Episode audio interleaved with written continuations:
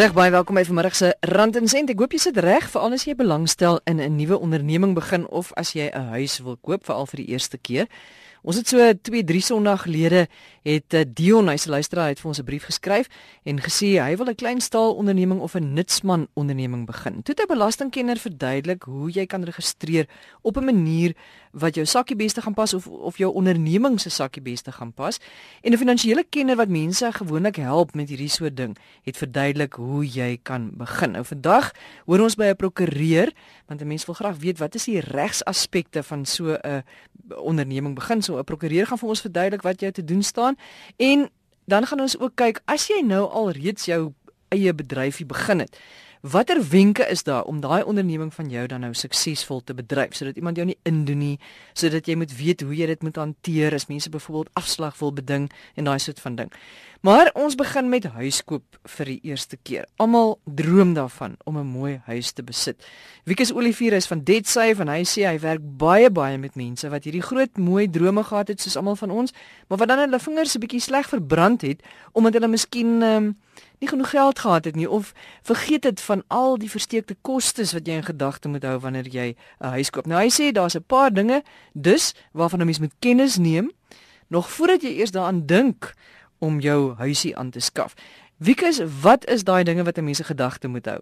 So dan vir die huiskoop is daar maar 'n paar goedjies wat jy in ag moet neem eers want ons sien soveel keer waar mense hulle self uh overcommit wanneer hulle nou huis gekoop het omdat hulle eenvoudig net nie behoorlik beplanning gedoen het voor die tyd of nie heeltemal bewus was van wat se kostes en dinge hulle na moet kyk voordat hulle nou eintlik daai koopkontrak teken nie. So die heel eerste ding wat jy in ag moet neem wanneer jy 'n verband gaan aansoek doen, gaan hulle kredietprofiel check op jou doen. As jy nie kan kwalifiseer daar nie, dan word daar 'n vlaggie op jou kredietprofiel ook gesit wat eintlik negatief tel teen jou kredietprofiel. So maak seker dat jy weet wat op jou kredietprofiel aan die gang is, dat wanneer jy gaan aansoek doen dat dit sal positief uitdraai. Maak seker dat jy nie ehm um, enige hofbevele of agterstallige betalings op jou krediet kredietprofiel reflekteer nie. Want dan weet jy dinge gaan goed gaan by die bank. Dan die belangrikste ding is jou maandelikse begroting. Hoeveel kan jy bekostig in terme van paaiement? Want soveel mense bring nie die paaiement en die koopprys van die huis bymekaar nie gaan kyk wat is jou begroting? As jy argumente sou daaroor net R10000 'n maand kan bekostig wat versekerings insluit, wat jou verbandbetaling insluit, wat rente insluit, dan moet jy gaan kyk wat is die totale bedrag wat jy voor kan koop as jy hom finansier byvoorbeeld oor 20 jaar. Dit is maar die algemene termyn daar. Daar's kalkulators op die internet by al die banke se se webtuistes waar jy kan gaan kyk as jy 'n uh, kapitaale bedrag insit of 'n koopsom, wat is die paaiement van daai koopsom? So kan jy hom nou rondspeel tot jy kan sien wat se totale koopsom jy kan bekostig in terme van paaimente. Maak seker dat dit dan by jou begroting kan inpas. Dan is daar natuurlik die kostes wat 'n mens nooit aan dink nie. As jy nou jou eie huis het, dinge raak oud en dinge val uitmekaar uit en dinge moet onderhou word. Daar's erfbelasting betrokke, daar's water en ligte betrokke begroot jy vir dit ook want jou verbandpaaiement is een ding maar die onderhoud op jou huis kan nogal so 'n hele paar rand uitdraai veral as jy as jy ehm uh, so 'n bietjie verwerk moet doen of 'n badkamer drein wat lek moet regmaak. En daai goed gebeur. Ja en soos jy sê dit gebeur jy weet dit is amper soos 'n motor. Jy alles loop fantasties reg en een oggend staan jy op en daar waai 'n dakplaat af of daar skielik 'n pyp gebars of jy weet daar is 'n wasbak uh, verstop.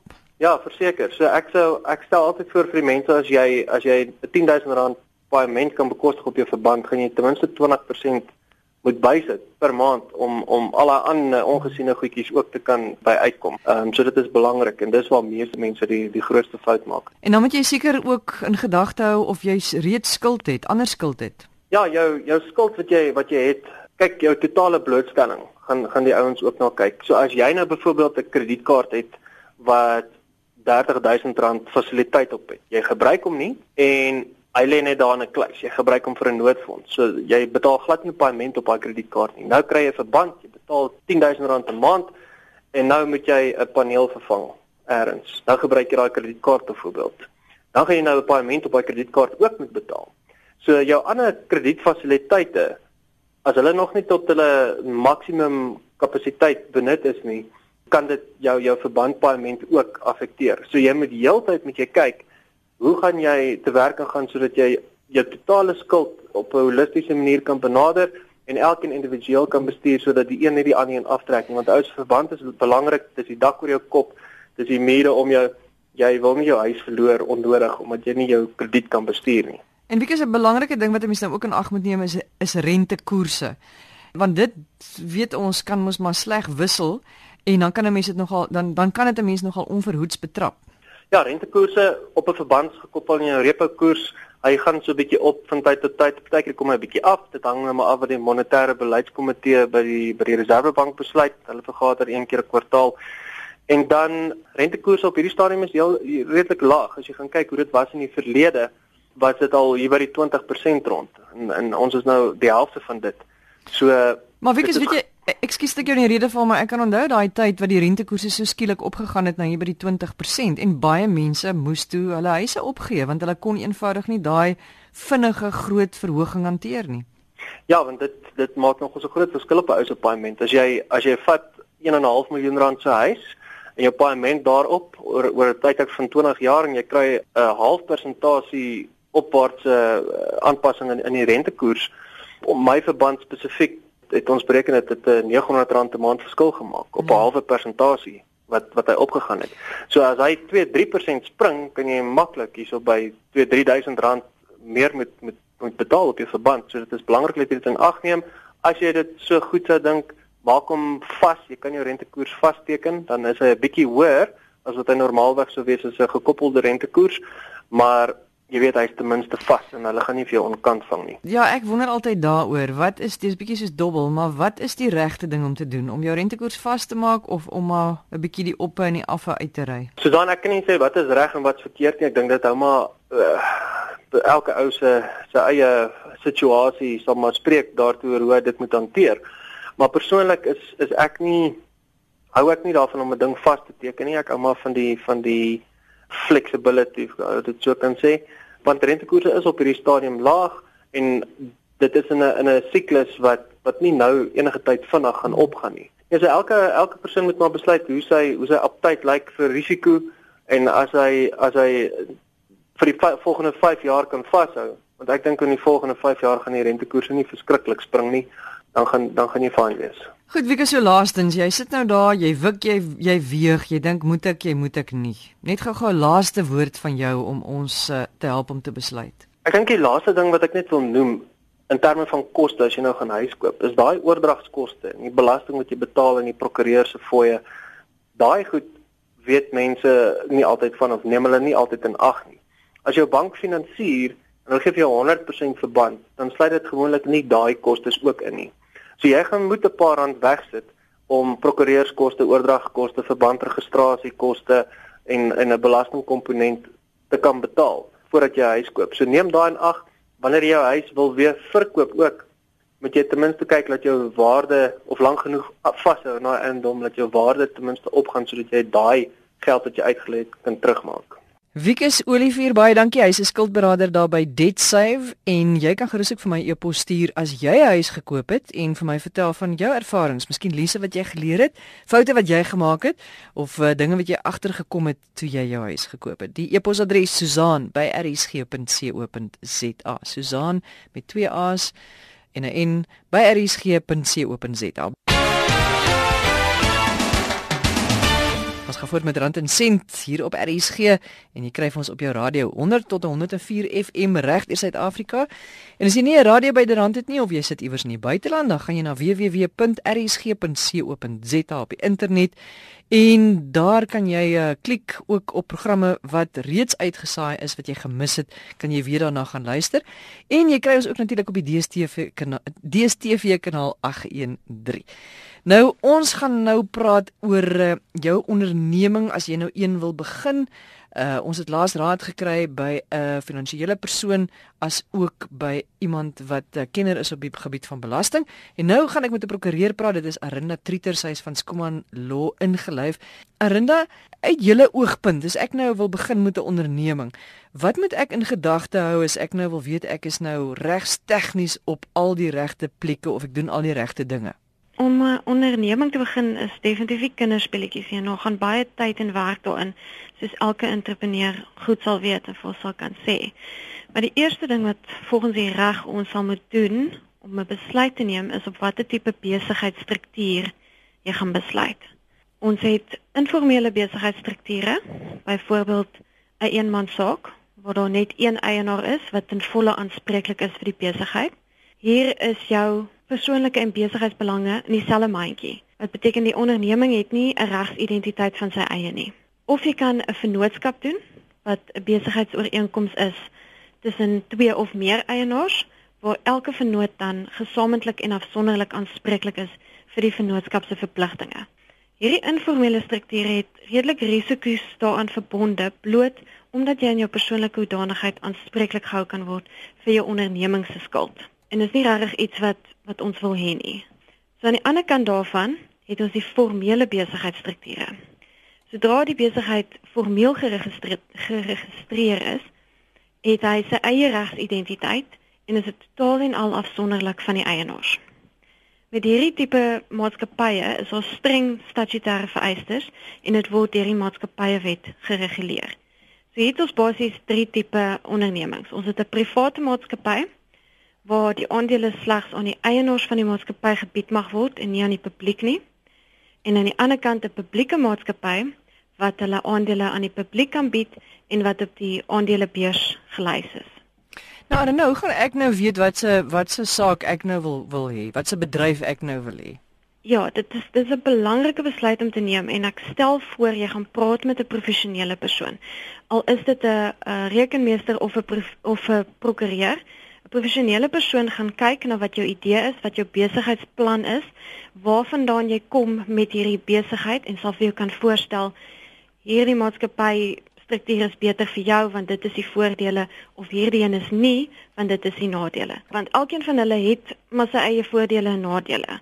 Maar volgens ons en volgens my eie opinie is 'n privaat maatskappy maar altyd die beste opsie en hou die meeste voordele in maak nie saak watter tipe onderneming jy wil begin nie. En dit is dan nou 'n maatskappy wat jy net eenvoudig in jou eie naam oopmaak. Ja, 'n privaat maatskappy dan jy sal kan besluit of jy alleen eienaar wil wees en of jy mede-eienaars wil hê. En die tipe onderneming aanvaar dan verantwoordelikheid vir sy eie aanspreeklikhede, sy eie regsidentiteit. So as 'n krediteur kom, kan hy nie outomaties homself na jou as die eienaar wend om die besigheid se skulde te dek nie. So as as as my onderneming se naam Stein ingelyf is, dan beteken dit ek wat Susan is is is is heeltemal gevry van haar van enige probleme, maar Stein ingelyf kan probleme optel as daar dinge verkeerd loop of bankrotskap iewers op die horison is. Ja, ingelyf is 'n is 'n ander tipe besigheidsstruktuur. Dit is ons gewoonlik vir vir prokureurs en vir rekenmeesters en daai tipe ondernemings. Privaat maatskappy sal aan die einde EDMS beperk, eiendomsbeperk. Okay. En hy is totaal op op sy eie regsidentiteit. So die besigheid se bates is totaal geskei van die eienaar se bates. So my plek se naam sal dan weer Stein Eiendomsbeperk. Eiendomsbeperk, ja. Nou, as jy nou jy het nou gesien wat of gehoor wat Dion sê ja. en hy wil nou 'n klein staal onderneming in Mosselbaai begin of 'n nutsman onderneming. So wat gaan jy vir hom aanbeveel? Definitief in sy geval 'n privaat maatskappy. Dit gaan vir hom die beste wees. Dit gaan vir hom sy risiko's beperk en dit sal vir hom die regte voordele inhou. Goed, nou nou nou nou het jy iemand gaan sien en jy het nou al jou goed agter mekaar en jy het besluit ja. wat se soort maatskappy jy wil hê of, of hoe jy wil registreer. Maar wat nou van kontrakte en kliënte en jy weet miskien het jy iemand wat jou telefoon vir jou antwoord of wat jou administrasie vir jou doen in terme van regsaspekte wat jy moet in gedagte hou. Ja, so sodra jy weet watter tipe maatskappy jy wil registreer, kom ons werk op hierdie een met die privaat maatskappy. Dan gaan jy moet kyk na waar gaan jou kapitaal vandaan kom. As jy 'n alleen eienaar is, dan gaan jy natuurlik jou eie kapitaal moet insit of 'n lening by die bank aangaan.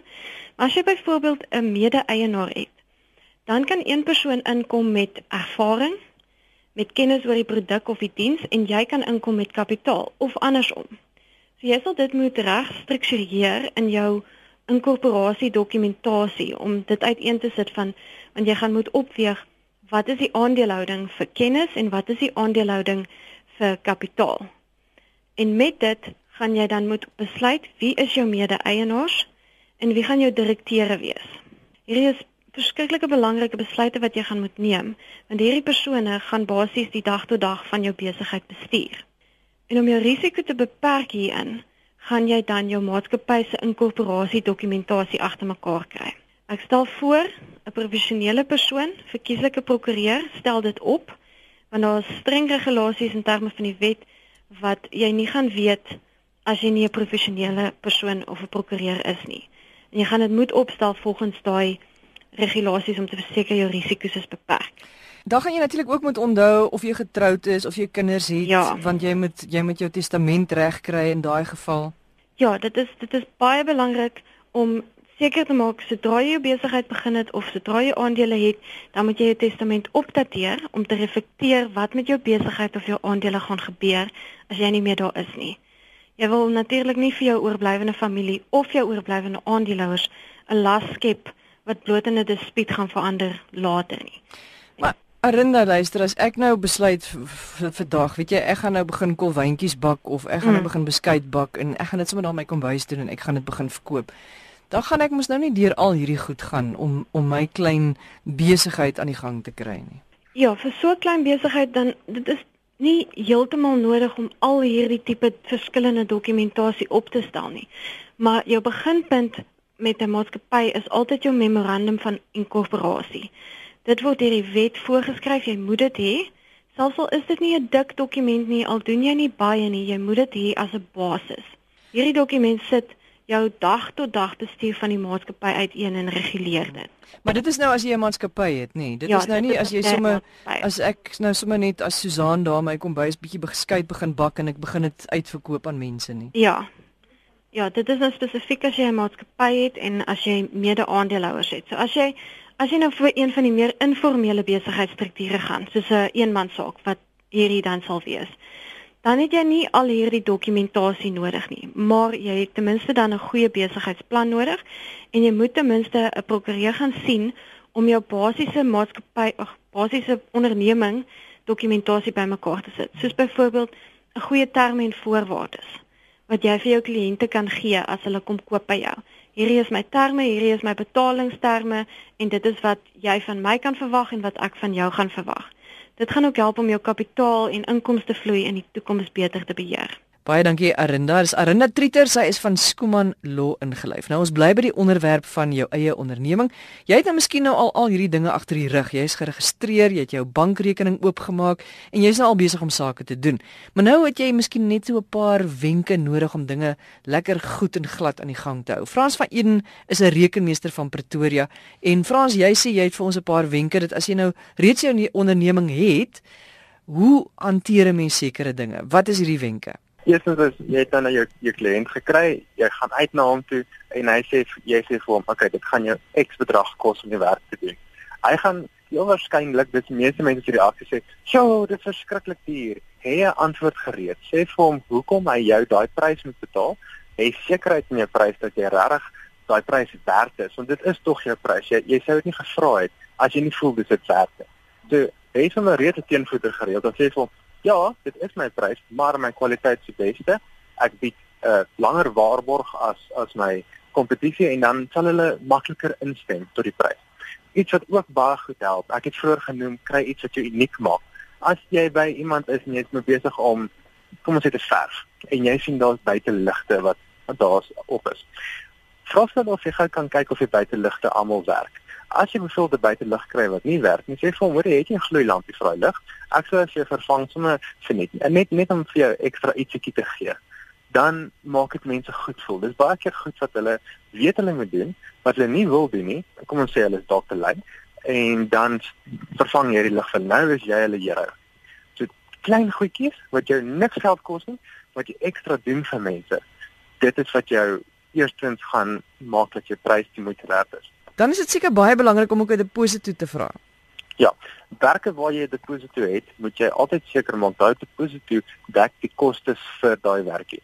Moet nie onder quote, so jy weet ons nou wat jou gelykbreekpunt, moenie kwoteer vir enigiets onder jou gelykbreekpunt nie. Rede daarvoor is as die persoon wegloop en jy nie betaal nie, dan het jy nie werk verloor op daai taak nie.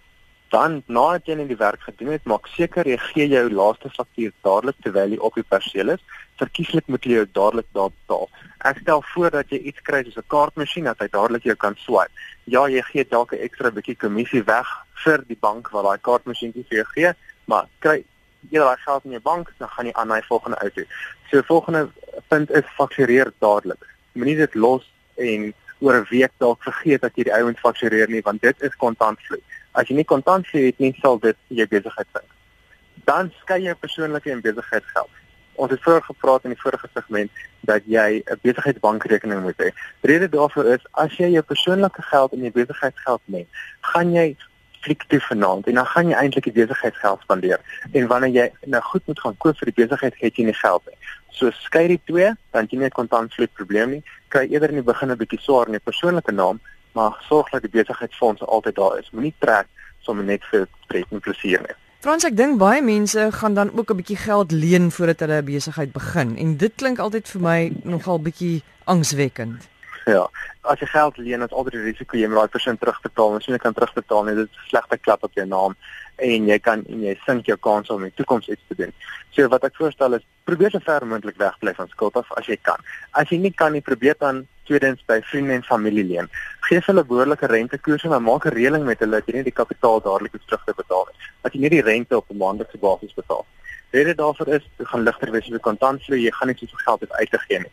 En dan as jy nie kan regkom met vriende en familie nie, probeer 'n kredietkaart eerder oopmaak. Meeste kredietkaarte by die banke het 'n komponent van rentevrye ehm um, fasiliteit. Daai spasie of daai tyd wat jy die in die rentevrye area is, jy betaal nie rente op daai geld nie. So dis tegnies 'n krediet wat geniet is. Maar sorg dat jy dit afbetaal en terugbetaal voor daai periode verby is. En dan laastens sal jy ekstra geld hê.